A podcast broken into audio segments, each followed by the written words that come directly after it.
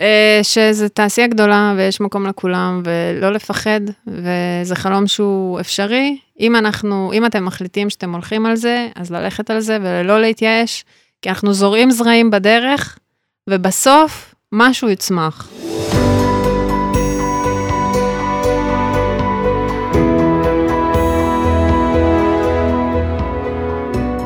להצליח במוזיקה, פודקאסט אופטימי על קריירה במוזיקה, על שיווק למוזיקאים ועל איך לקחת את החלומות שלכם ולהפוך אותם ליום-יום שלכם.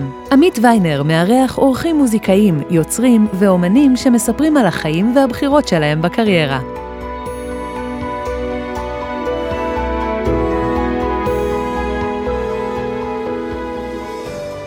מתחילים. שלום לכל המאזינות והמאזינים, איזה כיף שאתם פה איתנו לעוד פרק של הפודקאסט להצליח במוזיקה, ויש לנו היום אורחת מאוד מאוד מיוחדת, רנה שכטר. שלום, כיף להיות העניינים? פה, איזה כיף. איזה כיף שבאת. הולך להיות פרק ממש מעניין, אני חושב, על uh, תחום שאני חושב שהרבה אנשים uh, אולי אפילו לא יודעים מה הוא אומר. אז uh, רנה ולא רינה, נכון? נכון מאוד. רנה שכטר, ומה שאת בעצם עושה זה עיצוב סאונד למשחקים ולטלוויזיה וקולנוע. נכון מאוד. אז עוד מעט נשאל אותך גם ככה על הדרכים שלך בקריירה, איך הגעת לאן שהגעת וזה, אבל מה זה בעצם עיצוב, עיצוב סאונד? מה בעצם את עושה? אני בעצם צריכה לספר סיפור באמצעות הסאונד. מה שעובר בתמונה, אני צריכה להעביר את זה בצורה מדויקת באמצעות הסאונד, זה אומר שאפילו מבחינה טכנית, נתחיל בזה שהדברים צריכים להיות בסינק לתמונה, זה הדבר הכי בסיסי, וזה צריך להיות מאוד מדויק, מה שאתה שומע, זה צריך להיות כמו שאתה רואה בסצנה. זה אומר שאם אתה עכשיו מקבל את הסצנה ואתה שם אותה במיוט, מה שאתה מדמיין בראש, ככה זה נשמע. כלומר, כל הסאונד אפקטס, הדיאלוגים והמוזיקה, הכל. זה הכל עובר בעצם את הידיים שלך. נכון, פה בארץ. כי כשאנחנו מדברים על ארצות הברית, ששם צורת עבודה, התוודעתי לצורת עבודה הזאת בשנה האחרונה, היא שונה לגמרי. אה, כי, כי שם יש אה, ממש כובעים, כל אחד יש לו את הכובע שלו, ואין חפיפה של תחומים. זאת אומרת, אמ, הסרט האחרון שאני עשיתי, אה, שנקרא Dating COVID, שעשיתי את זה בשיתוף עם סטודיו אמריקאי, אז שמה אני עשיתי את ה sound design, זה מה שהם קוראים לו sound design, שזה האמביאנסים וה foleys. יש את הבחור שמתעסק בדיאלוגים, יש את המוזיקאי שעושה את המוזיקה אה, ועורך את המוזיקות, אה, ויש את הסופרוויזר שהוא סוגר את המיקס. אז שם על כל אחד יש את התפקיד שלו. אה, פה בארץ יש יותר ורסטיליות של, איך אני אגיד את זה? אם אני למשל מקבלת איזשהו סרט או איזשהו, איזושהי פרסומת, אז אני מנהלת אותה מא' ועד ת'. זה אומר שאני עושה גם את הדיאלוגים, גם את הסאונד אפקטס. אמ, את המוזיקות אני לא עושה, 99.9 מהמקרים, אבל אני כן בוחרת את המוזיקות, אני עורכת את המוזיקות. אמ, אבל uh, הרקע המוזיקלי שאני באה ממנו, הוא מאוד עוזר לי בעבודה, כי uh, כשאני צריכה, למשל, כשיש איזושהי מוזיקה שלא מספיק uh, מעבירה את המסר, או לא מספיק מרימה את הסרט, אז אני מוסיפה שם דברים, אה, אה, כל מיני אלמנטים מוזיקליים שלי. אה, לפעמים אני ממש כותבת מוזיקה שמתווספת למוזיקה שנבחרה, והלקוח אפילו לא יודע את זה. כאילו, הוא מקבל את זה כמוצר מוגמר. הוא לא יודע אם זה משהו שהיה במוזיקה שאני הוספתי, או כאילו, הוא לא יודע איפה עובר הגבול. טוב רגע, אבל האמת שהתחלנו בכזאת התרגשות אה, ישר לדבר על העניין של עיצוב סאונד, ושכחתי להגיד למאזינים קודם כל אה, שאני מקבל המון תגובות על הפודקאסט וזה נורא נורא כיף, אז תמשיכו לשלוח לי. אה, בשבועיים האחרונים יצא לי לדבר עם שני מאזינים בטלפון, אמיתי, שזה נורא נורא כיף, פתאום אנשים כתבו לי מייל, ואז אמרתי, הנה הטלפון שלי, ויצא לי ממש לדבר טלפונית עם שני מאזינים שנורא אהבו, גם את הגישה האופטימית של הפודקאסט, שעוד מעט נרחיב גם עליה, וגם את התכנים בו. ואני מזכיר לכולם, עוד לפני שאנחנו ממשיכים לצלול לנושא, אה, לדרג גם בספוטיפיי וגם באפל פודקאסט, ובאפל פודקאסט אפילו אפשר לעשות ביקורת, review. אז את כל הדברים הטובים שאתם חושבים, ישר ולעניין, תכתבו באפל פודקאסט. אז אה, רנה, אה, חזרנו אלייך. אז מעניין אותי רגע אה, עוד להבין יותר טוב על העיצוב סאונד, ואז להבין איפה למדת לעשות את זה, ואיך הגעת לאן שהגעת עכשיו. אז מה בעצם את מקבלת אה, מהאנשים, מהצוות השונה של אנשים השונים בצוות. כלומר, את מקבלת מוזיקה בנפרד וסאונד אפקט ודיאלוג בנפרד, ואז את בעצם הופכת את כל זה ב- למקשה אחת. נכון, אם אנחנו, אם אנחנו מדברים עכשיו על פרסומות ו, וכל מה שקשור לעבודה מול וידאו, אז כן, אז אני מקבלת את זה בדרך כלל כ-AAF או OMF, שזה בעצם איפה שהעורך מיקם את כל הדברים, ואני מתחילה לטפל בזה. לסדר את זה על הטיימליין, לעשות לזה מיקס, לערוך את זה בצורה הרבה יותר מדויקת, להחליף את הפוליס בדרך כלל, ואת כל האפקטים שנמצאים שם, וכמו שאמרתי, אני צריכה לספר סיפור ולהרים את הסרט הזה בסאונד כמה שניתן. תסביר רגע, להחליף את הפוליז הקיימים בתוך הווידאו עצמו, לפוליז שמוקלטים כן. איכותיים יותר, זה העניין? כן, כן, כי זה בדרך כלל פוליז שהעורך שם, אבל זה, בוא נאמר, אני קוראת לזה יותר כמו סימונים, הוא בעצם מסמן מה הייתה הכוונה שלו פה, מה הוא רוצה שיהיה פה. ואז כאן אני נכנסת לתמונה ואני אומרת, אוקיי, פה הוא רצה ככה, ואז אני, ואז אני מחליפה את זה לסאונדים יותר איכותיים ומוקלטים ו... כלומר, אם יש דריכות רגל, או איזה סאונד של פעמון וזה, בסצנה, את כולם את בעצם עושה על מיוט, ושמה באותו מקום דריכת רגל איכותית שאת לוקחת מאיזשהו אתר אחר. בגדול, כן. בגדול, מעניין. כן. Uh, עכשיו נגיד uh, uh, בסרט שאני, שאני עובדת, uh, שזה, כאילו הצורת עבודה עם הפרסומות וקולנוע הן uh, קצת שונות. Uh, הרבה פעמים יש, uh, uh, אפרופו עכשיו הסרט, אני עובדת על סרט שנקרא The Last Play, גם עם סטודיו בארצות הברית, אז uh, הם הקליטו, יש להם הקלטות שטח מאוד מאוד איכותיות, שם, uh, אפרופו צעדים, uh, וכל מיני עבירות שחלקם נשארים, הם רק עובדים, עוברים איזשהו פרוצס אצלי של ניקיון ודברים כאלה, ואיפשהו אני מוסיפה, אולי רק בשביל להגביר או להוסיף איזשהו אימפקט, ולפעמים אה, לבמאי גם יש כל מיני אה, אה, בקשות לגבי ה foleys. פה אני רוצה שזה יהיה יותר רגוע, פה אני רוצה שיהיה יותר אימפקט באמת. ולא רק מבחינת ה sound design, שאתה מוסיף איזשהו drone פתאום, או איזשהו stab מוזיקלי, אלא ממש מבחינת איך שאתה מעביר את מה שקורה, את הרעיון, כי למשל יש שם עכשיו איזושהי סצנה שאני עובדת עליה, ש... הדמות הר, הראשית, יש לו כל מיני חלומות ופלשבקים, אז בפלשבקים הוא הסביר איך, איזה התייחסות הוא רוצה אה, לפוליז. מעבר לכל הדברים היותר יצירתיים, שאתה צריך לצאת מהקופסה ו, ולבנות איזשהו סיפור שם, אז גם איפה, איפה הוא רוצה שבאמת הפוליז יישארו ואיפה לא. טוב, אז בואי נעבור קצת על מושגים, כי יכול להיות שחלק מהמאזינות והמאזינים לא מבינים את הכל. אז היה OMF ו-AMF. AAF. AAF, נכון? נכון. ו-OMF, מה זה שני אלה? זה כשהעורך, יש לך את ה... העורך ערך את הסרט, ואז הוא מעביר לי את המיקומים של איפה הדיאלוגים נמצאים, איפה ה, ה, המוזיקות נמצאות ואיפה נמצאים כל הסאונד אפקט, שהסאונד אפקט זה בעצם אמביאנסים ופוליז. אמביאנסים זה האווירות, החללים, ש, ששם הסצנות מתרחשות, ופוליז זה בעצם כל מה שקשור לתנועות אה, גדולות וקטנות, למשל דלת נסגרת, או רכב עובר, או כל מיני דברים כאלה, או אקדח, אה, יריות. כל זה. אז הקבצים האלה בעצם מכילים את קבצי האודיו לפי התזמון שלהם, או שהם בדיוק, רק מראים תזמון? בדיוק, זה, זה הקבצים שכבר ממוקמים לפי התזמון. Mm, אוקיי. ופוליס, תסבירי עוד פעם למי שלא מכיר בכלל את הביטוי, מה זה פוליס? זה כל רעשי הרקע שאנחנו שומעים בסצנה? כן, בדיוק. זה בעצם, אה, למשל, אם אתה מדפדף בספר ואתה שומע את ה-paper flips, אז זה, זה foleys, צעדים זה foleys, אה, תזוזה. עכשיו בכיסא זה foleys. המאזינים לא שמעו, כי יש לנו מיקרופון טוב, דינמי.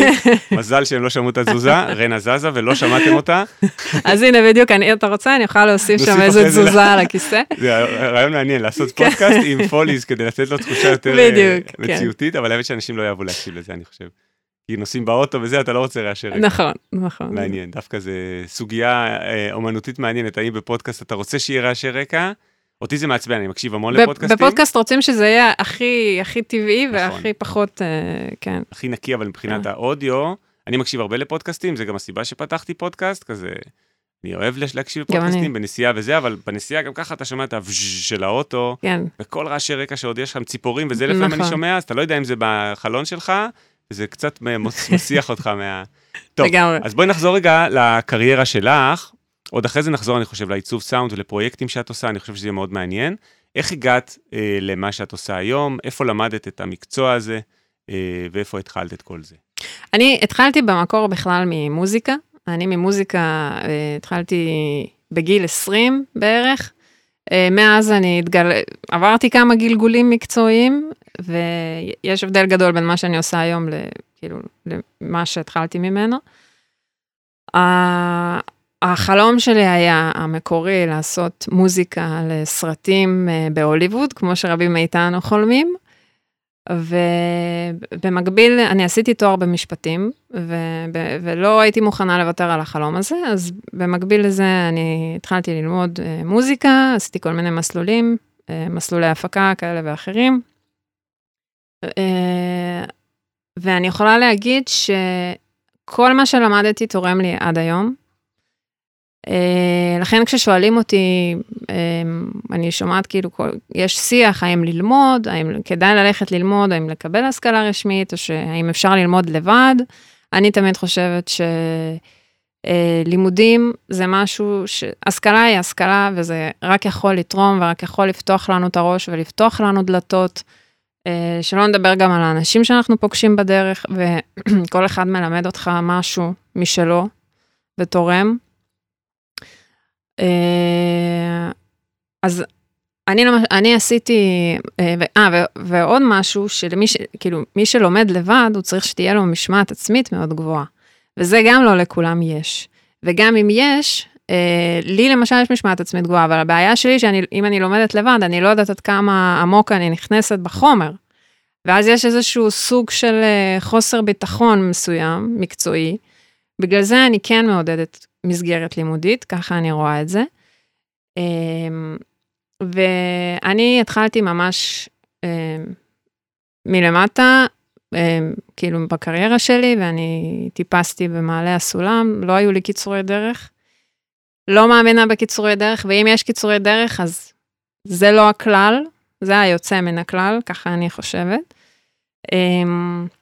אני התחלתי, גם התחלתי בהקלטות, הייתי, אה, עברתי דרך הקלטות ועבדתי עם אה, סרטי סטודנטים וסרטי אנימציה, ולקחתי כל העבודה שיכולתי בתחום בשביל גם לבנות תיק עבודות, גם בשביל לפתח את עצמי מקצועית ו- ולצבור כמה שיותר אה, פרקטיקה מעבר לידע התיאורטי. ועבדתי שבע שנים באולפן מאוד גדול, ולמדתי הרבה מאוד, אה, הוא היה, אה, הייתה לי דמות מקצועית שעיצבה אותי מקצועית, יוסי רבינוביץ', אמ, אז למדתי ממנו הרבה, ובאמת ככה היה לי, אמ, הייתה לי ורסטיליות מאוד גדולה בעבודה, כי אני באמת התנסיתי בהכל, ומה שנקרא, השתפשפתי בכל התחומים, אה, וזה מה שמאפשר לי היום אה, לא לפחד ולקחת כל, כל פרויקט שאולי אה, בהתחלה, או גם אם זה נשמע כמו איזה שדה זר ולא מוכר, אני בכל מקרה קופצת למים ו... ועפה על זה. כי אני בגישה שעבודה מביאה עבודה, וצריך לא לפחד, וצריך כל הזמן ללמוד, כי זה תחום כזה גם שכל הזמן מתפתח, ואני לא אדבר על ה-AI, כי זה נושא מאוד רגיש אצל כולנו. נגיע אליו, כל אורח כן. יוצא גם, אה, כמעט כל אורח יוצא לדבר על ה-AI, תכף נגיע. אני לא ידעתי אם אני רוצה לדבר על ה-AI. אמ, לא, סתם, למרות שיש עכשיו, אה, האמת שעכשיו יוצא לי להשתמש ב plugin מדהים, שנקרא Place It של Soundly, שאני עכשיו משתמשת בו בסרט שאני עובדת עליו, שזה מבוסס AI ויש לו יכולות מדהימות. אז אה, כן, אז ככה התגלגלתי, ויש לי חברה ל- אה, לי ולשותף שלי, עמרי אברמסון, שנקראת Sonex. ו... Sonex, זה השם? Sonex Audio, כן. אמ, אז אנחנו עושים סאונד למשחקי מחשב ולמשחקי מובייל, עבדנו עם חברות אה, גדולות בארץ ובחו"ל. עבדנו עם Iron Dog Studio, עם Marvel, אה, עכשיו אה, בדיוק החודש. סיימתי, סיימנו משחק שנקרא Marvel HQ, שזה זה, זה, זה כאילו, זה סדרה של סרטונים ושל משחקי מחשב, משחק, של משחקים לילדים בנושא של גיבורי על. אה, שזה, רציתי להוריד את זה כבר לטלפון, אבל האפליקציה שם מופיעה, אבל הם, הם, אתה כאילו נרשם. ואז כשזה יצא, אתה תוכל בעצם להוריד את זה כבר, אז זה עוד לא יצא. שמה אתם עשיתם בעצם במשחקים האלה? את המוזיקה ואת הסאונד אפקטים. אמ, כן. ו... אז זהו, אז אתה אף פעם לא יודע לאן אתה תתגלגל. יפה, טוב, יש כמה דברים שעברו לי בראש בזמן שדיברת, ואני רוצה לשאול אותך על המשחקים האלה למרוויל. אחד, זה על הנושא הזה באמת של אה, האם ללמוד או לא, זה משהו שאני פוגש אותו המון, אה, המון מתייעצים איתי גם, אה, כבר הרבה שנים, עוד לפני שהיה לי פודקאסט, האם כדאי ללמוד או לא, ואני מאוד מסכים עם מה שאמרת, וממש מאמין במה שאמרת בגישה הזאת, כי אני חושב שזה בעצם תחושה של, שיש רק היום, של לא בהכרח צריך ללמוד, כי פעם זה היה ברור שאין לך איך לקבל את הידע אם לא תלך למקום מסודר, נכון. שגם מארגן לך את הידע נכון. וגם מוסר לך אותו, וגם עובד על העניין של המשמעת העצמית, כי נותנים לך שיעורי בית משבוע לשבוע. פעם זה היה ברור, אבל היום כשיש בעצם יוטיוב, שזו האוניברסיטה של, של כולם, ויש מיליארדי טוטוריאלס בכל דבר אפשרי, וכל ילד, וגם אני, וגם את, רואים יוטיוב וטוטוריאלס. אז יש את התחושה הזאת, שאפשר ללמוד הכל לבד. אבל בעצם אני, אני מאוד מסכים עם מה שאמרת, שהיא תחושה מוטעית, אמ, מהסיבות האלה, שבעצם א', לך תארגן את כל מה שאתה רואה ביוטיוב, והמטרה של סרטון יוטיוב, בסופו של דבר, זה להשאיר אותך אה, צופה עד סוף הסרטון. זה המטרה של היוטיוב קריאייטור, וזה המטרה של האלגוריתם של יוטיוב, כן. להשאיר אותך כמה שיותר זמן, ולא בהכרח שתלמד. המטרה זה פשוט להשאיר אותך, ולכן זה בנוי בצורה מסוימת, אה, לפתות אותך אה, להיכנס, ולפתות אותך להישאר, ולא בהכרח ראית 15 דקות וקיבלת 15 דקות של ערך. נכון. שזה, אז גם העניין של לארגן את החומר, וגם מה שאמרת, העניין של המשמעת, כלומר, האם אתה באמת תתרגל אחרי זה, גם ללא, אתה לא באמת יודע עד כמה אתה מעמיק, כלומר אין לך איזה סביבה של אנשים סביבך כזה, סטודנטים. נכון. גם אה, כשיש את הסביבה, אתה, אתה, זה אחרת, כשיש לך את הסביבה עם הסטודנטים, לא רק עם המרצה. נכון, כי אתה בעצם רואה, יש לך גם פרופורציה. לגמרי. אז, אז אני מאוד מסכים. אז איפה בעצם למדת? לא סיפרת עדיין? אני למדתי ב-BPM, ולמדתי ב... היה את Muzik בזמנו, ולמדתי בסלע school. סלע school זה, זה, אני חושבת ש, ש, שמשם התחילה הקפיצה המשמעותית שלי, כי uh, יניב סלע, uh, מתה עליו, הוא נתן לי כל כך הרבה, הוא היה, הוא עיצב אותי באותה תקופה uh, מקצועית, הוא היה המנטור שלי, ואני זוכרת גם משהו שהוא אמר, שזה מלווה אותי עד היום, כשהרבה אומרים, אה, אני רואה גם לפעמים פוסטים בפייסבוק, אין לי השראה, אין לי השראה לעשות מוזיקה, הנה, אני כבר כמה ימים לא מצליח לעשות כלום. אז uh, הוא אמר לנו משהו מאוד יפה, כי אני זוכרת שעשינו, כש, כשעשיתי בזמנו את הקורס אצלו, אז היה איזשהו מבצע בדרום, והיו רקטות והיו אזעקות, ו... תקופה של כמה שיעורים שתלמידים לא הגיעו ולא עשו שיעורי בית, וזה נמשך כזה חודש, כולם היו עדיין מתאוששים מהמצב, ולאף אחד לא היה מצב רוח, וגם לי לא היה מצב רוח כמובן. והוא ממש לא אהב את זה, כי הוא נתן לנו כל הזמן לתרגל משיעור לשיעור, ותרגילי שמיעה, וכאילו אה, למדנו, זה היה קורס מיקס. אמ, ואז אה, הוא אמר, טוב, אתם צריכים להבין, אמרו לו, יש מלחמות, יש מלחמה, אנחנו לא, לא, הראש שלנו לא בזה. אז הוא אמר, אוקיי, אתם צריכים להבין שהחיים שלנו בנויים על בלת"מים. יש עכשיו בלת"ם, מחר יהיה בלת"ם, מחרתיים יהיה בלת"ם, החיים שלנו זה ההתנהלות בין בלת"ם לבלת"ם. אני ו... מאוד אוהב את המשפט הזה. לגמרי, ואני זוכרת את המשפט הזה, ואני לקחתי אותו איתי, ולא יכולים להיות לך תירוצים לעבודה. תמיד יהיו דברים שלא, אה, שלא תכננת ולא בנית, ואתה, איך שאתה, החיים שלך זה איך שאתה בונה אותם. בין לא צפוי ללא צפוי. ובגלל זה כשאומרים שאין השראה או, או דברים כאלה, אם אתה מסתכל על זה כעבודה, אז אתה צריך להתייחס לזה כאל, כאל עבודה. אין דבר כזה שאין לך השראה. יש uh, כל מיני דרכים להתמודד עם זה, uh, דדליינים, או תפתח כל מיני uh, uh, רפרנסים, תקשיב לרפרנסים, תאזין ל, uh, לסרטים. הרבה פעמים אם אני נמצאת באיזושהי סצנה שהיא יותר מורכבת, אז, ואני לא יודעת מה לעשות, אז אני מחפשת דברים בז'אנר ובסגנון, ו, ו, ואני מסתכלת על זה כמו על עבודה, כי, כי זה באמת עבודה שלי. אבל uh, בהתחלה, אני חושבת שלכולם יש את זה, שלפעמים יש מוזה, אין מוזה, כש, כאילו כשבן אדם מתחיל את הקריירה, אבל once הוא עושה את הסיבוב הזה בראש, והוא אומר, אין דבר כזה, אני עובד, יש לי דדליין שאני צריך לעמוד בו, uh, לאט לאט הדברים האלה, המחסומים האלה נושרים. מדהים, זה קודם כל זה טיפ נהדר אני חושב לכל המאזינות ומאזינים ואני נורא מסכים איתו. יש uh, שני דברים שאני רוצה להוסיף על זה, מעניין אותי מה את חושבת על זה. אחד, זה שיש סופר אמריקאי מפורסם שעכשיו אני לא זוכר את השם שלו, שאמר שההשראה זה לחובבנים. נכון, אני מכירה את זה, כן. כן, מי שמחכה להשראה כן, זה כן. בעצם החובבנים, המקצוענים פשוט עובדים. כן. ואז פה ושם, בתוך העבודה של ה-10 שעות על ה-Cubase או על כל תוכנה אחרת, בתוך זה יש כמה snippets כאלה, רגעים כאלה של אה, הברקה ושל השראה. אבל זה לא יהיה עשר שעות של השראה בכל מקרה, אין דבר נכון, כזה. נכון. זה, כזה, זה רגעי ה peak, אבל רוב, רוב הזמן אתה בעצם לא זקוק להשראה. ושתיים, בשני אה, פרקים שהיו, יצאו לאחרונה בפודקאסט, אה, כולם מוזמנים לחפש אותם, אז היה אחד עם שרון פרבר, מלחינה לסרטים מלוס אנג'לס, והשני עם נמי מלומד, גם כן מלחינה, אה, שתיהן מאוד מצליחות אה, בלוס אנג'לס, ושתיהן דיברו על השראה. נמי אמרה שההשראה הכי טובה שיש לה זה דדליין. לגמרי. ושרון פרבר אמרה משפט שאני נורא אוהב, שההשראה שווה דדליין פלוס צ'ק. נכון. אז איך את, מה הפרספקטיבה שלך על אה, העניין הזה עוד קצת, על הנושא של השראה?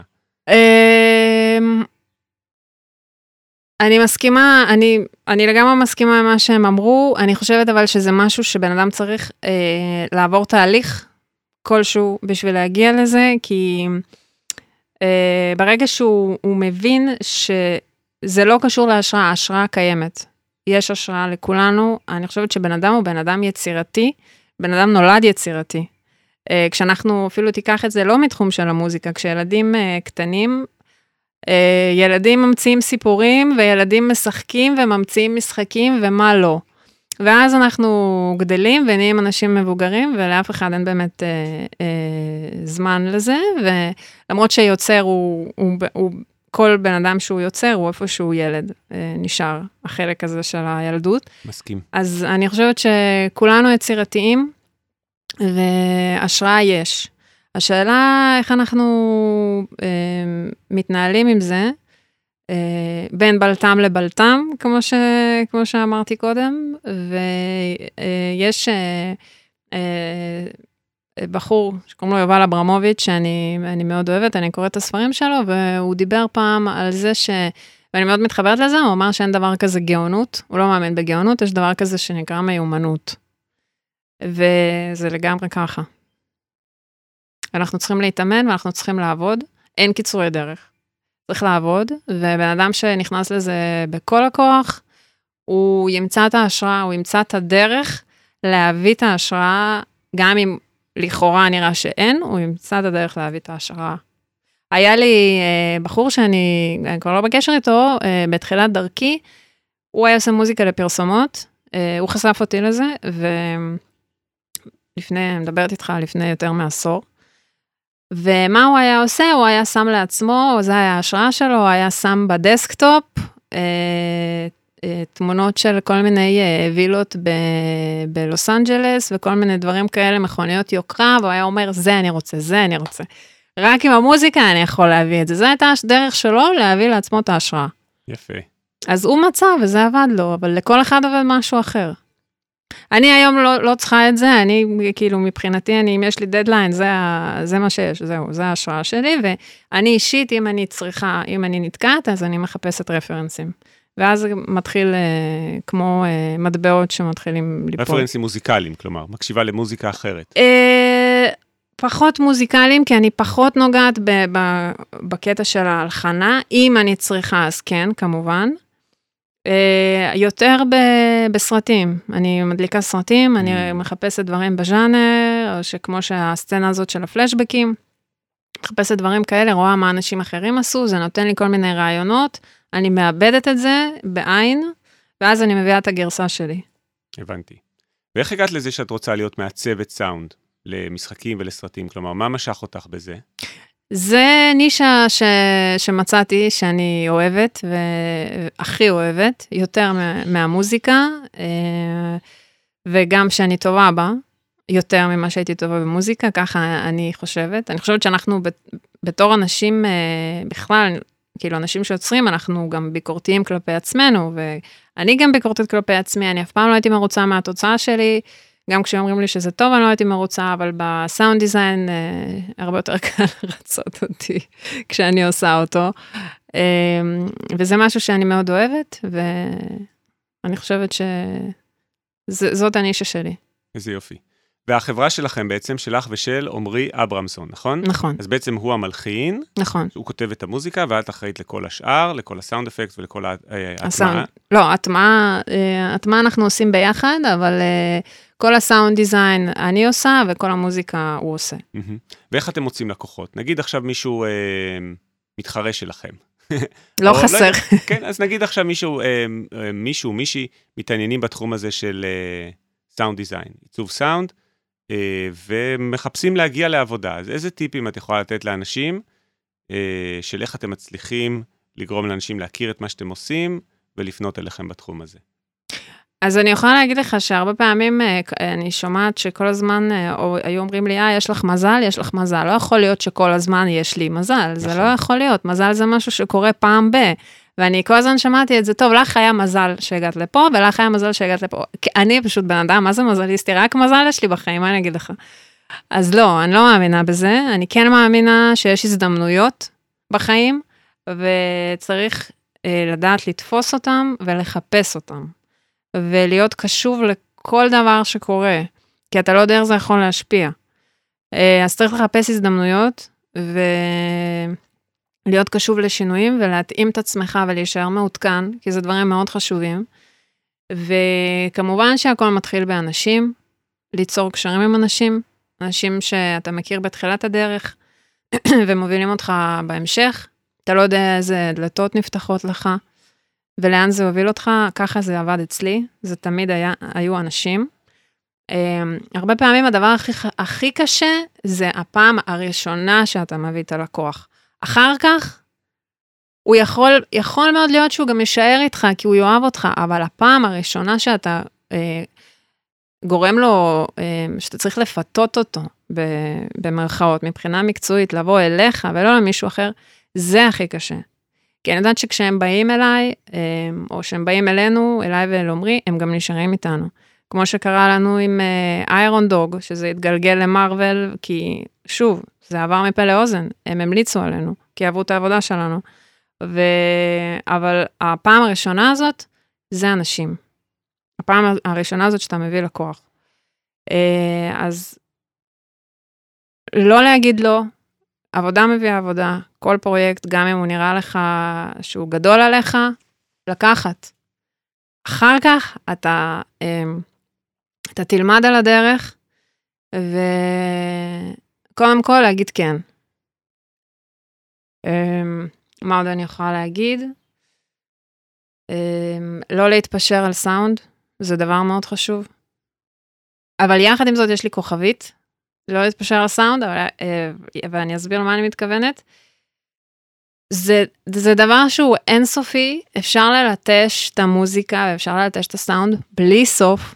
וזה לופ, לפי החיוך שלך אני מבינה שאתה מכיר את זה. ברור.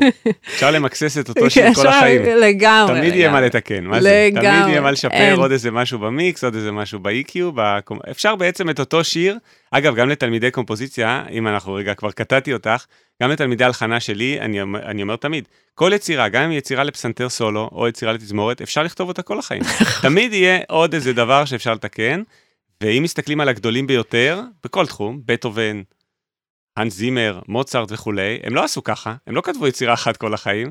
בטהובן הבין שבסימפוניה השלישית, כשהוא כתב את הסימפוניה השלישית, הסימפוניה הראשונה שלו זה יצירה דבילית של אה, ילד קטן, אבל הוא לא הלך ותיקן אותה אחורה וזה, הוא המשיך. כן. כלומר, הוא בעצם, בדיוק כמו שאת אומרת, הוא בעצם למד, זה משהו שאני תמיד אומר כטיפ, ללמוד תוך כדי תנועה, ולא להמשיך למה שנקרא, אה, להתבוסס לגמרי. בתוך אותה יצירה לגמרי. או אותו שיר. לגמרי. אה, השאלה באמת איך אנחנו יודעים שאוקיי, עכשיו זה טוב.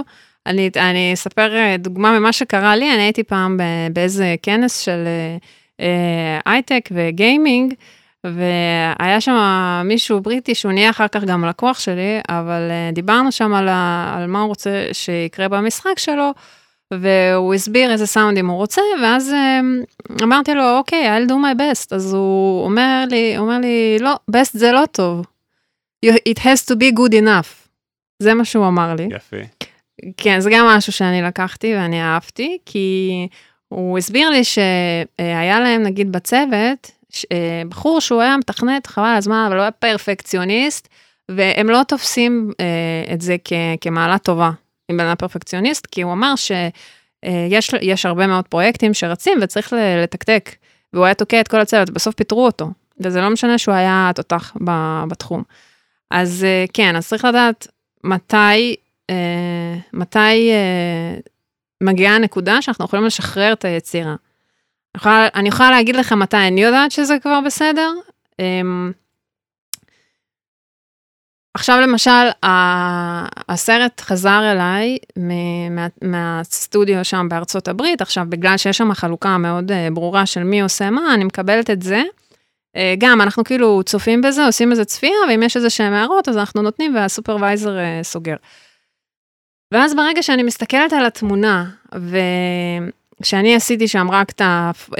רק, עשיתי את האמביאנס ואת הפוליז, אבל אני מקבלת פתאום משהו שאני לא מרגישה שזה לגמרי הכל יצירה שלי, כאילו, אני בורג איזשהו, כאילו, איזשהו בסרט הזה. ואז אני צופה בסרט, וברגע שאני שוכחת מהנוכחות שלי שם, זה אומר שאני פתאום לא מתייחסת, או הנה הנה זה מה שאני שמתי, אני שוכחת מזה ואני מקבלת את זה כיצירה שלמה, כסרט, שאני פשוט צופה בו ו- ואני בתוך איזושהי חוויית צפייה. מבחינתי זאת הנקודה שחיכיתי ועכשיו אני יכולה להגיד לך שזה סבבה. ואם יש לי איזושהי סצנה שפתאום שמתי לב ל... פתאום כביכול נזכרתי שאו הנה זה הצעד ששמתי, אז אז זה, אולי זה מה שצריך להדליק את הנורה האדומה, אבל אם אני שוכחת מזה ואני פשוט מקבלת את זה כיצירה מוגמרת, זאת הנקודה שאני מחכה לקבל. יפה, זה גם ככה ממש במוזיקה לסרט. כלומר, אם המוזיקה לסרט בולטת מדי, או אה, מה שנקרא, יוצאת, יוצאת החוצה כן, מדי, כן. כלומר, המלחין רצה להראות את האגו של עצמו, תראו מה אני יודע כן. לעשות, תראו איזה סאונדים, או תראו איזה הרמוניות. למדתי עכשיו, וזה סימן שבעצם הסיפור הולך לאיבוד. כלומר, בדיוק מה שאת אומרת, אם הסיפור... אה, כובש אותך כל כך, סימן שכל הסאונד אפקט וכל הסאונד דיזיין וכל הפולי והמוזיקה והזוויות צילום, לגמרי. הם, הם לא אה, מראות את עצמם יותר מדי. הם כמקשה אחת, הכל עובד כמקשה אחת. ולא מרגיש לך מאולץ, או פתאום איזה נטע זר כזה מופיע. אני חושב שזה משהו שהוא טיפ לכל מי שמתעניין בתעשייה הזאת, זה גם אני אומר באופן אישי, כמלחין בת, בתעשייה הזאת, כל מי שמתעניין בתעשייה של, של המדיה, בין אם זה וידאו גיים, סרטים וזה, טלוויזיה, זה שאם יש לך המון המון אגו, וכל מה שאתה רוצה זה שיראו אותך, אה, אז או שתהיה שחקן, כן, כן. כי את השחקן רואים בפרונט, לגמרי. את תום קרוז כולם רואים ומכירים, וגם הוא, לפעמים צריך להיכנע לבמאי באיזה דיאלוג, אבל חוץ מתום קרוז והשחקנים הראשיים, כל שאר האנשים צריכים לשים את האגו שלהם במקום אסור הנכון. אסור שיהיה אגו, אסור שיהיה אגו. במיוחד מי שרוצה להתקדם, אה, אנשים אה, שמתעסקים באומנות, זה לא רק מוזיקאים, זה אומנים באופן כללי, יש להם אגו. אה, אני יכולה להגיד שגם על עצמי, ואני לא מתביישת, זה משהו שהוא חלק מהמקצוע, מה שנקרא, חלק מהאופי שלה, שלנו, אבל צריך לדעת לשים את האגו בצד, ולא כולם צריכים לאהוב את זה, ואם יש הערות על מה שעשית, הכל בסדר. לא, לא כולם אוהבים ולא כולם אמורים לאהוב את זה. אה, לא אהב, סבבה. זה אפרופו טיפ אה, שאמרת, אם אתה רוצה אה, להחזיק את הלקוח, אז אתה צריך אה, לספק לו איזושהי תוצאה שהוא יהיה מרוצה ממנה. אז אולי אתה יכול להכין לו עוד איזושהי ורסיה, או אולי עוד כמה ורסיות, שבאמת יהיה לו מבחר, כי אז הוא יבוא ויגיד, אוקיי, זה עשה לי רק ורסיה אחת, אבל הוא נתן לי ארבע ורסיות. את זה, את זה לא אהבתי, אבל את זה כן אהבתי, ואז בפעם השנייה הוא יבוא אליך. אז שוב, ההתנהלות עם האנשים היא לפעמים הרבה יותר חשובה מה, מהתוצאה, כי כאילו, התוצאה חשובה, אבל זה משהו שהוא מאוד מאוד חשוב, כי סאונדמנים יש יותר טובים ופחות טובים, אבל בסופו של דבר, הם מתחברים ל... למי שהם מתנהלים מולו, הם מתחברים אליך, ובגלל זה אתה צריך לתת לו את ה... אה, להיות נחמד אליו, אה, כל מה שקשור, זה, זה, לא נשמע ב, זה לא נשמע בעברית כל כך טוב, אבל כאילו כל מה שקשור ליחסי אנוש וליצירת קשרים, זה בסופו של דבר בגלל זה חוזרים אליך, ככה אני חושבת. לגמרי. אז אני רוצה עוד משהו שממש נצלול לעניין הטכני, כי אני חושב שזה יהיה פרק מאוד מעניין, זה כבר פרק מאוד מעניין לכל מי שמתעניין או מתעניינת ממש בלעבוד בדבר הזה, אה, ואני רוצה גם שממש ניכנס לעניין הטכני. הפודקאסט נקרא, כמו שאת יודעת, להצליח במוזיקה, פודקאסט אופטימי, אה, ואני מאוד מאמין באופטימיות ובחיוביות, אבל פודקאסט אופטימי על קריירה במוזיקה, והמטרה באמת זה להביא המון אורחים מכל מיני אה, מקומות שונים ורבדים שונים של, אה, של תעשיית המוזיקה. אה, רק ככה, אבל לסגור את, ה, את העניין הזה, אז בעצם אם נסק, ננסה לסכם את הטיפים, ואם יש עוד כמה אז תגידי. אז טיפים שאת אומרת למי שמתעניינת כלהיות מעצבת סאונד, זה קודם כל, אמ, אמרת בהתחלה, עכשיו ברח לי החוט מחשבה, מה היה הטיפ הראשון שלך? אה, להגיד כן, נכון? להגיד כן, כן. לקבל עבודות, לא לפחד. לקבל עבודות, לצלול למים. אה, לא להתפשר על סאונד מצד אחד, נכון, כאילו, זה היה טיפ חשוב אם גם. אנחנו שומעים שמשהו לא 100%, להחליף. לפעמים אפילו אני אתן, את ה, אתן דוגמה הכי אה, פשוטה. למשל, אם יש איזושהי תנועה ב, בתמונה, ואנחנו שמים איזשהו ווש שהוא לא נשמע 100%, להחליף. כלומר, שהסאונד לא נשמע באיכות מספיק טובה. לא, שלא, לא באיכות מספיק טובה, אלא אולי שהוא לא בדיוק תואם את הסאונד. אה, שהוא לא מתאים למה ש... לא, כן, Mm. שנגיד אני, אני נתקעתי אתמול על ציפור, אני אומרת לך את האמת. אה, ש- זו סצנה שקורית באיזה אה, מושב, איזה, אה, זה לא מושב, זה... אה, לא מושב בארצות הברית. מושב בארצות הברית, איזשהו, כן. והציפורים שהיו לי, אני כאילו בניתי שם את האמביאנס, אבל הציפורים שאני, ש... שאני שמעתי שם, זה לא נשמע לי אמין, ו... ומה, ו... ואני יכולה להיתקע לפעמים על סצנה כזאת הרבה יותר ממה שצריך, רק בגלל uh, ציפור, אז צריך לדעת איפה אני... צריך, צריך, אני פשוט מכירה כבר את ה... איך אני מתנהלת ב, בסיטואציות כאלה, אבל uh, כן, uh, אם אתם יודעים שזה לא זה, אז זה לא זה. Uh, בדברים כאלה לא להתפשר. יפה. אז זה היה להגיד כן לכל עבודה, גם כמו שאמרת, גם אם היא גדולה עליך או אפילו קטנה עליך. אני מאוד מאוד מסכים עם הטיפ הזה. אני באופן אישי חוויתי את זה המון פעמים בקריירה. אמרתי לפעמים כן לדברים ששילמו מעט מאוד, והרגשתי שזה הולך להיות המון זמן, אבל יצאו מזה אחרי זה, יש לי סיפורים מטורפים, איך הגעתי בסוף לפסטיבל הקולנוע בהונג קונג, דרך איזה וואו. גיג קטן, שבהתחלה חבר מצלצל אליי בסכום מאוד מזערי, שאפילו לא נעים להגיד אותו, אה, פה בישראל, איך זה, איך זה מתגלגל. כלומר, זה מין ספירלות כאלה שאתה לא יודע לאן הם יגיעו. לגמרי. אז להגיד כן לכל עבודה, אני מאוד מאוד מסכים עם זה, בטח בהתחלת הדרך, אחרי כן. זה אתה מתחיל כבר להגיד כן. לא. אה, מבחינת יחסי אנוש אמרת, be nice, להיות אנושי, אה, workable, שאנשים יאהבו לעבוד איתך, לשים את האגו בצד. לשים את האגו בצד היה טיפ מאוד חשוב, ולא להיות פרפקציוניסט, אבל לא להתפשר. זה, אני חושב, מין... אה, למצוא את האמצע זהב. זהו, אז בואי נדבר רגע על זה. זה נראה לי משהו, זה נשמע קצת קלישאתי, לא, לא להיות כמו משהו שאנשים אומרים בראיונות עבודה. אבל בואי ננסה דווקא מעניין לחפור על זה, כי אני, אני, אני מאוד מסכים עם זה. זה מצד אחד, כמו שאת אמרת, אה, לא להתפשר על סאונד, כלומר, לא להביא ציפור שהיא לא נכונה לסצנה, כן, רק כי לא היה לך כוח לחפש עוד שעה עכשיו, נכון. כי אנשים לא יעריכו את זה. כאילו, נכון. יגידו לך, מה זה, זה נשמע כמו... לא יודע, אה, חסידה, ורואים ציפור, ציפורת לא, לא, זו. לא הייתה חסידה, זו הייתה איזושהי אה, ציפור שפשוט היא לא... אני לא, אני הייתי בארצות הברית הרבה פעמים, ואני לא זוכרת שהמקומות האלה, אה, כאילו הסצנה הזאת, המקום הזה שזה נמצא, נשמע, שיש שם ציפור כזאת. לי זה נשמע זר. אני אגיד לך את מעניין, האמת. כן, מעניין. זה יותר בתחושה שלי, יכול להיות שאני טועה. Um, זה הייתה איזה יונה כזה, לא יודעת מה זה היה, זה היה נשמע לי כמו משהו שהיה מתאים לפה. Mm. כן. מעניין. אבל איך את בעצם אה, מוצאת את האזור הנכון הזה, את האיזון הזה בין לא להתפשר על הסאונד, לבין לא להיות פרפקציוניסטית מהצד השני, של לשבת לא שעה, אלא שבועיים על הציפור הזאת. כלומר, איך בכל זאת מוצאים את האיזון פה? יש לך איזה רעיונות מעניינים לטיפים פה? רפרנסים. תסבירי. Um, אני מחפשת uh, דברים בסגנון, אפילו uh, אני הולכת לכל מיני uh, יוטיובים, או כל מיני uh, סרטים שאפשר לצפות בהם אונליין, ממש עושה מרתון. ואז אני מסתכלת איפה אני ביחס למה, ש- למה שיוצא. מעניין. אני מאוד מאמין ברפרנסים גם, בכל דבר.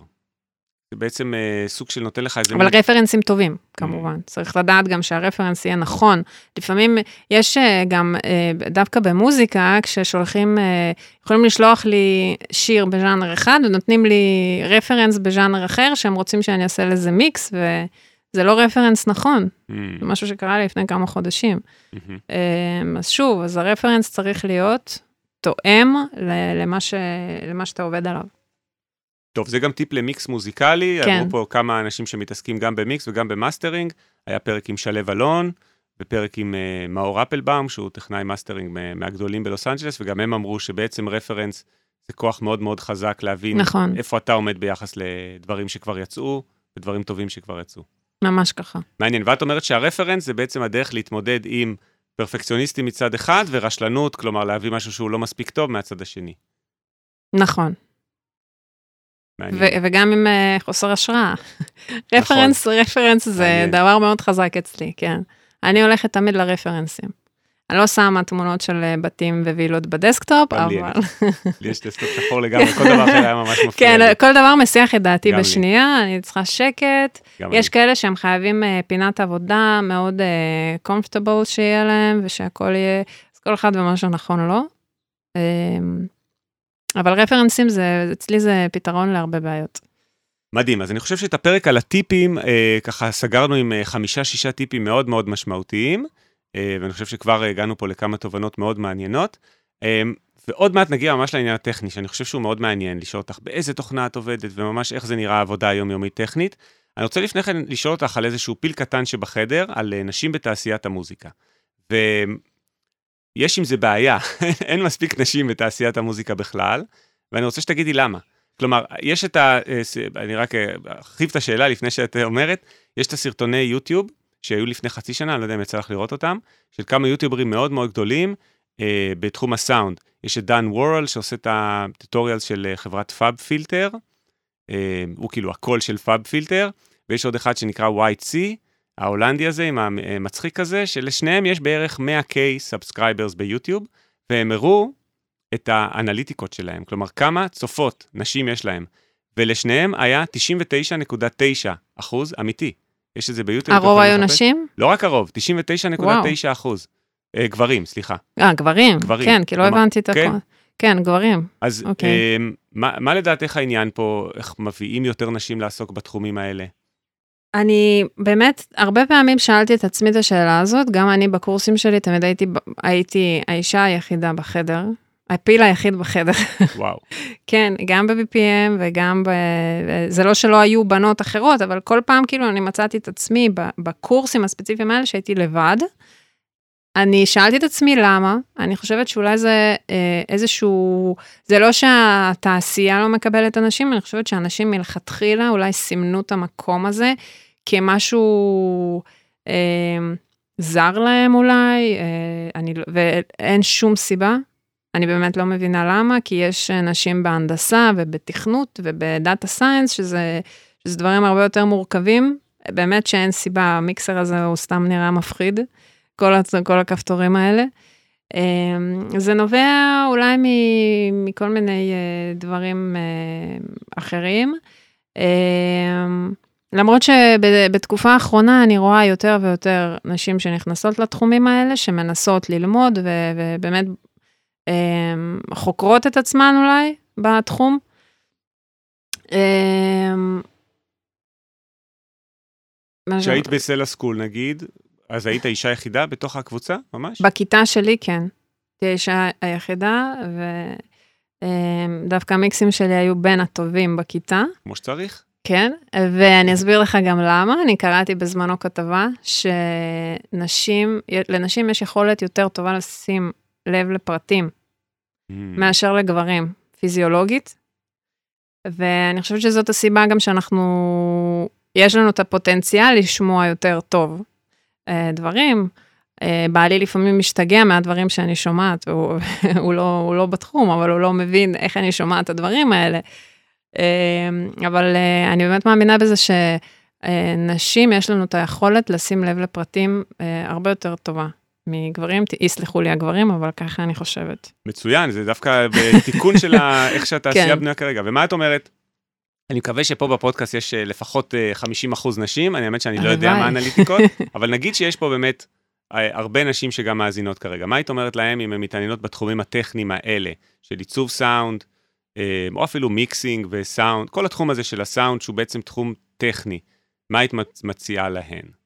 ללכת על זה. אם זה מעניין אותם, אין סיבה שלא. יש מקום לכולם, אני באמת חושבת שיש מקום לכולם, ויש אה, יש נשים בהוליווד, אה, יש נשים בהוליווד שגם בסאונד, מעצבות פסקול, ומתעסקות ב-VR ו-360 ודברים, אה, אה, וגם אתה ראיינת נשים מאוד מאוד חזקות בתעשייה. נכון, אז אני רק אזכיר שבפרק השלישי התראיינה פה ש- פר- אה, שירלי ספייקס ספייקס, מבוסטון, זוכרת, שעושה כן. בעצם עיצוב סאונד נכון. בתחום של אה, 3D אודיו. לגמרי. כלומר, אה, אודיו אימרסיבי ו spatial audio, אודיו מרחבי. כל מי שלא הבין את הביטויים שעכשיו אמרתי, לכו לפרק הזה עם שירלי, היא מסבירה את הכל ממש יפה. אז אין, אין סיבה שלא. אין, יש מקום לכולם, ו, ונשים רק... אה, אני חושבת שהתעשייה תרוויח אם יהיו יותר נשים. אה, זה יכול אה, לתת איזשהו גיוון, כי נשים אולי רואות כל מיני דברים גם בצורה, חושבות בצורה אחרת מג- מגברים, אז זה יכול רק להעשיר את התעשייה, ובאמת אין סיבה שלא, וזה לא, אין, אין פה שום דבר אה, מסובך. יופי, אני מסכים לגמרי, וטוב שגם אמרת את זה. ואיך נראה באמת ממש היום-יום שלך מבחינה טכנית? אז קודם כל, באיזה תוכנה את עובדת? איזה DAW? Cubase. כלומר, כל מה שאת עושה, כל הזה, בעצם את מכניסה לתוך ה-Cubase? נכון, Cubase. אמ, התחלתי לעבוד קצת עם ה Reaper, אה, גם, אמ, בעיקר ב- במשחקים. למה Reaper ולא Cubase? מה היתרון של... למי שלא מכיר, אז זה תוכנות DAW, יש Cubase, יש Logic, Ableton Live, כולם מכירים, מה שבישראל קוראים Ableton, אה, ובפרק עם יחזקאל רז, גם לכו שם, אז הוא אומר שהתוכנה נקראת Live, החברה נקראת Ableton, יש את Cubase, ואולי גם יש את Nuendo לאותה חברה, ויש את Reaper. אז נכון. למה, למה בעצם, מה היתרון דר- שמצאת? דרך אגב, עכשיו, סליחה, שעכשיו זה הזכיר לי את זה, ב- ב- ביחס למה שדיברנו על נשים בתעשייה, כשאני רואה ש- שיוצא לך פודקאסט עם אישה, אותי אישית הרבה יותר מעניין ללכת לשמוע אותו. אני, כל הפודקאסטים שיש לכם נשים, אני שמעתי. איזה כיף, תודה. כן, כן, אני אומרת את זה כמו שזה, כי אה, אותי בתור אישה זה מעניין, איך, אה, מה החוויות שלהם, ו, וזה זה מחזק, אה, זה מחזק אותנו, למה לא? אין בזה שום דבר גברי. לגמרי. אה, כן. אה, אז אה, הריפר יש לו, אה, אני עוד לומדת את זה, אבל יש לו כל מיני אה, אופציות, למשל באקספורט, אה, למשחקים שהוא הרבה יותר אה, נ- נוח וידידותי וחוסר זמן, וזמן אה, זה רכיב מאוד מאוד חשוב, שכל הזמן צריך אה, להתחשב בו, שהוא גורם מכריע. אמ, אה, אנחנו עובדים, אה, אני ועמרי עובדים עם ה-F-Mod ו-Unity במקרים שאנחנו צריכים להטמיע.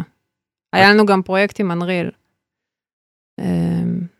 כן. שאתם, להטמיע זה אומר, תסבירי למי שלא מכיר, להכניס את המוזיקה ואת הכל להכניס את כל האודיו. הסאונדים שעשינו, כן. אמ, לתוך ל- המשחק עצמו, שזה לא קורה בקיובייס, זה קורה בתוכנה שנקראת F-Mod. נכון, שהיא עושה את התיווך בעצם בין ה-Cubase לבין ה-Unity, או כן. ה-Unreal.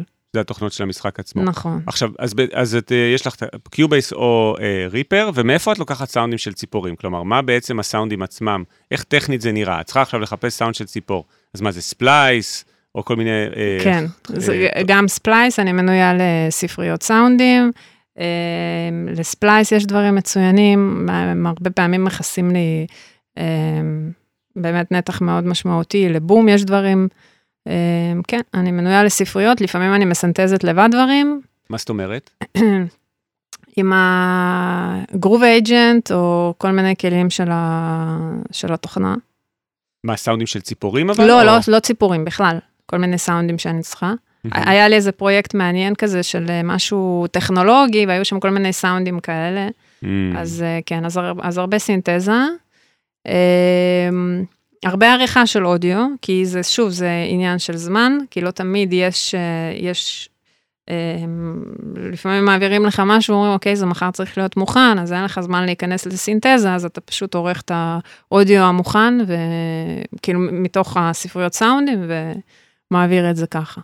ואיך את מחפשת ציפור? אני רוצה, ככה, בוא נהיה טיפה יותר טכני, מעניין אותי באופן אישי, ואני בטוח שיש גם אנשים שזה יעניין אותם. אז מה את עושה? Sound of a bird בספלייס, ואז הוא נותן לך עכשיו איזה 300 סאונדים של ציפורים, ואת ממש אה. שומעת כל אחת? איך ממש בטכנית את מוצאת את הציפור הנכונה? ציפור, אה, אני יכולה להגיד לך למשל אתמול, חיפוש כאילו זה טרי לי, שאני חיפשתי אווירות לסצנה הזאת, איפה שהיה לי את הציפור הזאת. אז אה, שוב, אז אני נגיד כותבת רזידנשיאל, quiet, אה, או residential at night, או residential morning, או early morning, ואז בדרך כלל גם יש שם ציפורים. רזידנציאל, כלומר, בעצם אה, אווירה עירונית בעצם, נכון? אה, זה יותר כפרי, Mm. כאילו איפה שאנשים גרים. רזידנשיאל זה נגיד מקומות, יש לך את הסיטי, שזה העירוני וזה הרעש. אוקיי. אז זהו, אז אה, הסצנה הזאת שמדברת עליה היא רזידנשיאל, כי מצאתי, מצאתי משהו ממש ממש טוב, אבל היו לי שם את הציפורים האלה ש, שמציקות, כי הן נשמעות לי לא תואמות את המקום. אז אה, זהו, אז אני... אז החלפת רק את הציפורים, לקחת את האווירה הכללית, נכון, אז לא, אז עשית, לקחתי את העבירה הכללית, וממש עשיתי שם עבודת עריכה, כי הוצאתי, אה, הוצאתי את כל הציפורים שם. ואז חיפשת ממש בנפרד את ואז הציפור חיפשתי, המתאימה. ב- כן, בדיוק. תקשיבי, זו עבודה מטורפת, זה בפינצטה. זה בפינצטה, יש לי חברה שאומרת לי, אני לא יודעת איך יש לך סבלנות לעשות את זה, אני הייתי מתחרפנת. אני אומר להפך, זה מדהים. קודם זה כל, כיף, כן. למי שאין את הסבלנות הזאת, זה גם בתחום של אה, מוזיקה, הלחנה ומיקס, זו אותה סבלנות, כן, רק לפרמטרים ולדברים אחרים. לגמרי, זאת אומרת, לגמרי. למי שאין סבלנות להצליח להוציא את הקיק בתוך כן. המיקס, או את הגיטרה בס, אז גם שם זה לא יישמע... זה, אני יכולה, אני יכולה לתת לך דוגמה מסצנה לסרט הקודם שאני עשיתי, היה שם סצנה שהוא מכין ארוחת בוקר, הוא אמ, אה, עם הביצים, הוא, אה, אתה רואה אותו מערבב אה, ביצה בתוך, ה, זה בתוך קערית כזאת, ועם ה, המזלג, אתה רואה אותו עושה את זה, ואז אה, מן הסתם הלכתי, שברתי שתי ביצים, אה, הקלטתי, בבית, כלומר? הקלטת כן, כן, עצמך? כן, הקלטתי ב- בסטודיו את הביצים? כן, כן, הקלטתי את זה בסטודיו, אה, הכל, סבבה, הכנסתי את זה לתוכנה, ואז אני אה, קולטת שה... כאילו, אני עובדת פריים פריים, אני קולטת שהמזלג שלו יותר עבה מהמזלג שלי. מה זה אומר יותר רבה? הסאונד? הוא נשמע יותר אה, מסיבי, המזלג שלו מהמזלג שלי, אז הייתי צריכה אחר כך לקחתי, אה, אז עוד פעם הקלטתי את זה, כאילו הבאתי מזלג אחר. וואי, זה משוגע, איך יש זה סאונד. למזלג עבה יותר? עכשיו אני לא, לא- כל זה, פעם שאני זה, עכשיו... נו, אה, זה הדפקה שלי, כי אני וואי, שומעת זה את מטורף, זה. אני חושב שגם אני וכל מאזין עכשיו, או מאזינה, כשאתם עכשיו הולכים לעשות את החביתה הבאה, תקשיבו לסאונד של המזלג, אם זה באמת... ורגע, אני חייב להגיד לך לגבי להביא ביצים לסטודיו, זה לא היה קורה אצלי בסטודיו, אני אפילו כוסות מים לא מרשה כן, להכניס, כמו שראית. בהתחלה. כן, אבל אני עושה פולי, זה, חלק מהעבודה, אז יש לך. בתוך הסטודיו מלא ביצים וקמח. יש, אה, אה, בהתחלה כן. אבל כן, יש לי שם מה שאתה רוצה. אז את גם מקליטה בעצם פוליז. לגמרי, כן, הרבה פעמים אני מקליטה בסרטים, אני מקליטה רוב הפעמים, אם בפרסומות ודברים יותר קטנים אני יכולה לערוך, אז בסרטים הרבה מאוד הקלטות, ואז באותה סצנה של המזלג, אז גם הייתי צריכה, איפה ש... אתה רואה את זה הרי בתוך כל הביצה, אתה, אתה המזלג שלו, אז בפריים, איפה שאתה רואה שזה נוגע בצלחת, אתה לא יכול סתם לשמוע שקשוק, כי זה און קאמרה, הסצנה הזאת, אז אתה ממש צריך לערוך את זה פריים פריים, אבל בסוף, כש... ואז, הוא, ואז הוא כאילו מטגן שם נקניקיות וכל מיני כאלה, ועשיתי, כאילו, עשיתי איזה סאונד, שלחתי את זה. לסופרוויזר, ואז הוא כותב לי במייל חוזר, תקשיבי, אני הולכת להכין לעצמי שקשוקה, למה זה עושה לי תיאבון, והוא אומר לי כל פעם שאני רואה את הסצנה הזאת, הוא אמיתי, כאילו, אחר כך דיברנו, הוא אומר לי, כל פעם בסצנה הזאת אני הולך למטבח ומכין לעצמי ביצים. בגלל שבחרת סאונדים כל כך... כן, אה, כן, והוא אומר לי, אם, טובים. אה, זהו, אז אם הוא אומר לי את זה, אני יודעת שאני עשיתי את העבודה שלי טוב, כי, כי זה, זה הסצנה, זה, זה הייתה הסצנה של סאונד. מדהים. כלומר, אם בעלך נכנס רגע לסטודיו בזמן שאת עובדת, אתה יכול לראות אותך מתחילה לא, הוא לשקשק. ביצים, כן, אני אומרת לו, צא, שוברת שם עוד ביצה ועוד כן. ביצה, ככה 12 ביצים, בסוף לא נעשה מהם שום חביתה, זה רק. לצורך לא, השבירה הוא והסאונד. בסדר עם זה, הוא, הוא תומך, הוא מבין. הוא כל הזמן אומר לי, איזה עבודה מגניבה, איזה עבודה מגניבה. מטורף. כן, שוברת ביצים בסטודיו. לגמרי, כן. טוב, זה יכול להיות שם טוב לפרק, אבל זה לא, זה שם קצת אה, ציני מדי. אה, אבל וואו, זה ממש, אה, זה ממש מטורף וממש בפינצטה. כלומר, סוג המזלג שאת רואה בסצנה צריך להתאים לסאונד שהסאונד לא יעווה מדי למזלג שהוא דק וכולי. כלומר, לכל מזלג יש את נכון. הסאונד שלו. נכון. אה, לא רק לכל מזלג יש את הסאונד שלו, שוב, אנחנו מדברים פה על איפה אנחנו נכנסים לפרטים ואיפה לא, זה איפה. איפה עובר ה... האמצע זהב הזה, גם אתה צריך לקחת בחשבון שהרבה פעמים יש לך דיאלוגים שמחפים ומכסים את, את הפוליס שקורים ברקע. אז השאלה לאיפה, באיזה סצנות אתה כן נכנס לרזולוציה. זו הייתה סצנה שקטה שגם לא הייתה מוזיקה, ולא היו דיאלוגים, ו- וזה היה לך on camera, אז היית חי... אני הייתי חייבת להיות סופר מדויקת. ש on camera זה אומר שיש לך קלוזאפ בעצם קלוזאפ על, על ה- על ה... ממש על, כן. הצ... על הביצה בתוך על הצלחת. הביצה ועל הצלחת ועל המזלג. טוב, פלא שהוא מכין שקשוקה אחרי זה, תמיד כשיש קלוזאפ זה כמו תוכניות. בישול, אה, הקינוחים לא, לא, הוא וזה. ממש זה אחרי הסאונד שלי. אה, בלי הסאונד, כן. זה מעניין. כן. אז גם פעם הבאה כשתראו תוכנית בישול, או תוכנית קינוחים, מעניין עד כמה הסאונד גורם לך לריר הזה שיוצא כש...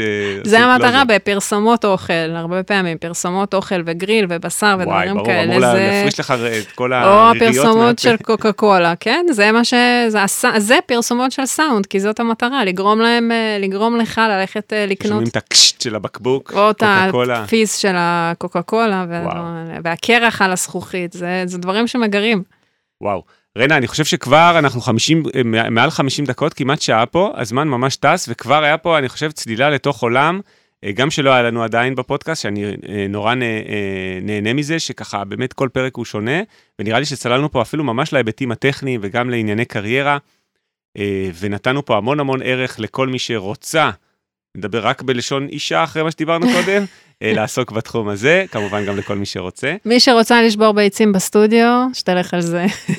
אז יש לי עוד כמה שאלות סיכום, ככה, כמה שאלות קבועות גם. אחת זה איפה רואים אותך, אה, איפה היית רוצה להיות עוד חמש שנים? מה החזון שלך לעצמך לעוד חמש שנים מהיום?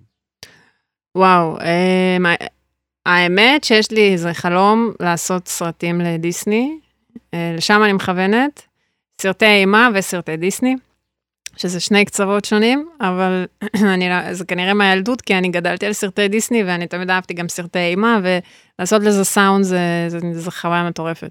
מדהים, ובשביל סרטי אימה, בסטודיו אצלך צריכים לקרות כל מיני דברים אה, ש... רציחות וכאלה, כדי שתוכלי להקליט בדיוק את הסאונד הנכון. גדול. שהבמה יגיד לך, תשמעי, זה היה הסאונד האמיתי. אז זהו, אז פה נכנס, נכנס הרבה עניין של סינתזה, כי יש, אפשר לסנטז פה כל מיני דברים. אה, וואו. איזה מוזיקאים את אוהבת? ככה שאלת סיכום. אה, אני מאוד אוהבת את אן זימר, שזה זה obvious, אבל אני אוהבת את המוזיקה שלו, אני לפעמים גם שומעת סתם את הסאונדטרקים שלו. את המוזיקה של דיון ואת הסאונד דיזיין בדיון. מדהים, מדהים. הסאונד דיזיין שם, וואו, זה פשוט, לא שמעתי דבר כזה. אני, היה לי ממש אה, חוויה רוחנית לצפות בסרט הזה. אני, אה, אני קודם, אני ראיתי את הסרט הזה פעמיים, בפעם הראשונה רק הקשבתי לו, ואז בפעם השנייה אני הבנתי שכל מה שאני רואה זה כאילו בפעם הראשונה. כי הייתי כל כך שקועה ב- בלהאזין. וואי, המוזיקה שם זה 80 אחוז. מהאפקט של הסרט, זה המוזיקה והסאונד, ממש. וואו. הם גם קיבלו אוסקר לדעתי נכון? על הסאונד קיבלו דיזיין אוסקר על שם. הסאונדטרק, ועכשיו הולך לצאת דיון 2, יכול להיות כן, שכשהפרק הזה לזה. יצא זה כבר אה, לגמרי. אה, יהיה שם בקולנועים, וזה זה באמת סאונדטרק וסאונד מטורף. כן, אז אה, כן, אנ אנ זימר, אני שומעת כל מיני סגנונות האמת, אני אוהבת מוזיקה אלקטרונית. אה, גדלתי על ארמין ועל אה, טיאסטו, ואני עדיין מאוד אה, אוהבת club trance. מוזיקה קלאסית, שומעת הרבה פעמים פסנתר, מוזיקה צרפתית, אני מושפעת מכל מיני סגנונות, קשה לי, קשה לי להגיד משהו אחד. יפה. טוב, ולסיכום, אם מישהו רוצה לפנות אלייך בשאלות ורוצה ככה לשאול על התעשייה וזה, איפה מוצאים אותך, באיזה רשתות או באיזה מקומות אפשר להגיע אלייך? אה, שידברו איתי בפייסבוק, בלינקדאין, בכיף. נהדר. רנה שכטר. נכון. נרשום את זה גם ב description ואני אעשה כמובן קישור שם. אה, ועוד איזה משהו, טיפ ככה שנראה לך שחשוב להגיד, שממש רגע לפני שאנחנו מסיימים, משהו שאת מרגישה שעוד לא אמרת. אה, שזה תעשייה גדולה ויש מקום לכולם, ולא לפחד, וזה חלום שהוא אפשרי. אם אנחנו, אם אתם מחליטים שאתם הולכים על זה, אז ללכת על זה ולא להתייאש, כי אנחנו זורעים זרעים בדרך, ובסוף משהו יצמח. איזה יופי, זה יהיה משפט הסיכום של הפרק, אני חושב. גם אופטימי, גם חיובי, וגם אה, ככה סיכמת את הכל בצורה נורא נורא יפה. יש סיומת קבועה שאני תמיד אומר לכל פרק, אני חושב שכולם כבר מכירים אותה, אז תודה רבה לכל המאזינות והמאזינים על ההקשבה. אל תשכחו לדרג, אה, בספוטיפיי ובאפל, ובאפל גם תכתבו אה, ביקורת אם בא לכם, זה מאוד אה, עוזר לפודקאסט ככה להתקדם ולהגיע לעוד אנשים. אה, ואתם יכולים למצוא תמיד עוד מידע בבלוג שלי, אה, להצליח במוזיקה, הבלוג של עמית ויינר, אפשר לחפש את זה בגוגל וכולי. והיה פרק מדהים, רנה, תודה רבה שהגעת. תודה רבה, תודה, כיף שהזמנת אותי. זה היה ממש, אני חושב, צלילה למקומות שעוד לא שמענו פה בפודקאסט עד היום, אז המון המון תודה. תודה לך. יאללה, תודה לכולם, נתראה בפרק הבא. יאללה, ביי.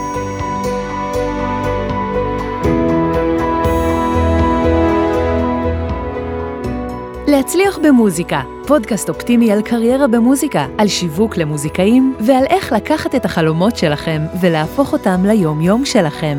עמית ויינר מארח אורחים מוזיקאים, יוצרים ואומנים שמספרים על החיים והבחירות שלהם בקריירה.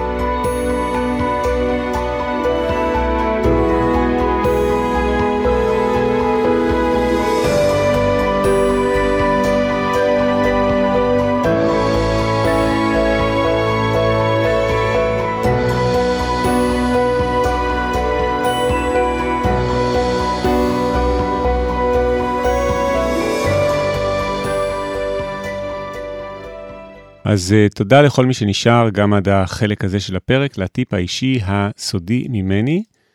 והאמת שהפעם אני רוצה לדבר איתכם על חינוך מוזיקלי. Uh, אני מרצה ומלמד מוזיקה כבר הרבה שנים, אפשר להגיד uh, כמעט 20 שנה בכל מיני מסגרות, וזה נושא שחשבתי עליו הרבה עם עצמי, ונראה לי שהוא יעניין גם כל מי שלומד מוזיקה או גם מלמד מוזיקה בעצמו, שזה משהו שבעצם כל מוזיקאי בעולם באיזשהו שלב של הקריירה שלו גם uh, מתנסה בזה. כולם, החל מבאך שהיה מלמד מוזיקה, uh, מוצרט ועד לימינו. Uh, זה חלק ממה שמכילה uh, קריירה מוזיקלית כמעט מאז ומעולם, העניין הזה של לימוד את הדור הבא. ויש את המשפט מהתנ"ך שכולנו מכירים, uh, חנוך לנער על פי דרכו. ומה הוא בעצם אומר? Uh, היו הרבה שנים שחשבתי עם עצמי כזה, מה בעצם זה אומר חנוך לנער על פי דרכו? האם בעצם התלמיד, הנער, הוא זה שמוביל את הדרך, אה, ואתה המורה ככה רק אה, הולך עם הדרך שהוא מתווה, או שהפוך, אתה המורה מתווה את הדרך, אה, ואתה יודע מה נכון בשביל התלמיד. וזה משהו שהוא, משהו שכזה, כש, כשמלמדים הרבה שנים, מתחבטים בו הרבה ומגלים ש... בתחילת הקריירה אתה כמורה חושב שאתה יודע הכל, אה, ככה היה גם לי וככה הרבה אה, מורים שאני מכיר, ואתה בדרך כלל בא עם אה, אג'נדה סדורה כזאת ועם משנה מאוד מדויקת של איך צריך ללמד ואיך התלמידים צריכים ללמוד. ולאט לאט ככל שאתה גדל, גם בקריירה שלך כמורה וגם בקריירה שלך כמוזיקאי, אני חושב שאתה מגלה שאתה בעצם אה, לא יודע כלום, אולי זה קצת מוגזם להגיד, אבל uh, שבאמת uh, כל בן אדם לומד בעצמו על פי דרכו, uh, וזה הרבה יותר קיצוני מזה. אני חושב שככל שאני מתקדם בקריירה שלי גם כמורה, אני מבין שבעצם התלמידים מלמדים את עצמם את הכל. ואני אתן דוגמה שאני אוהב לתת, תינוקות כשהם מתחילים לזחול. אז לי זה קרה גם עם הגדול שלי וגם עם הקטן. אה, באיזשהו שלב בבית אתה רואה שיש לך תינוק בין, אה, באזור גיל שנה, שמונה חודשים עד שנה וקצת, פתאום אה, מתחילים לזחול. ואתה שואל את עצמך, איך הם בעצם למדו לזחול? האם הם עשו את זה בדרך של חיקוי? התשובה המיידית היא לא, הרי הם לא ראו אף אחד בבית זוחל, המבוגרים שהם רואים לא זוחלים, הם הולכים.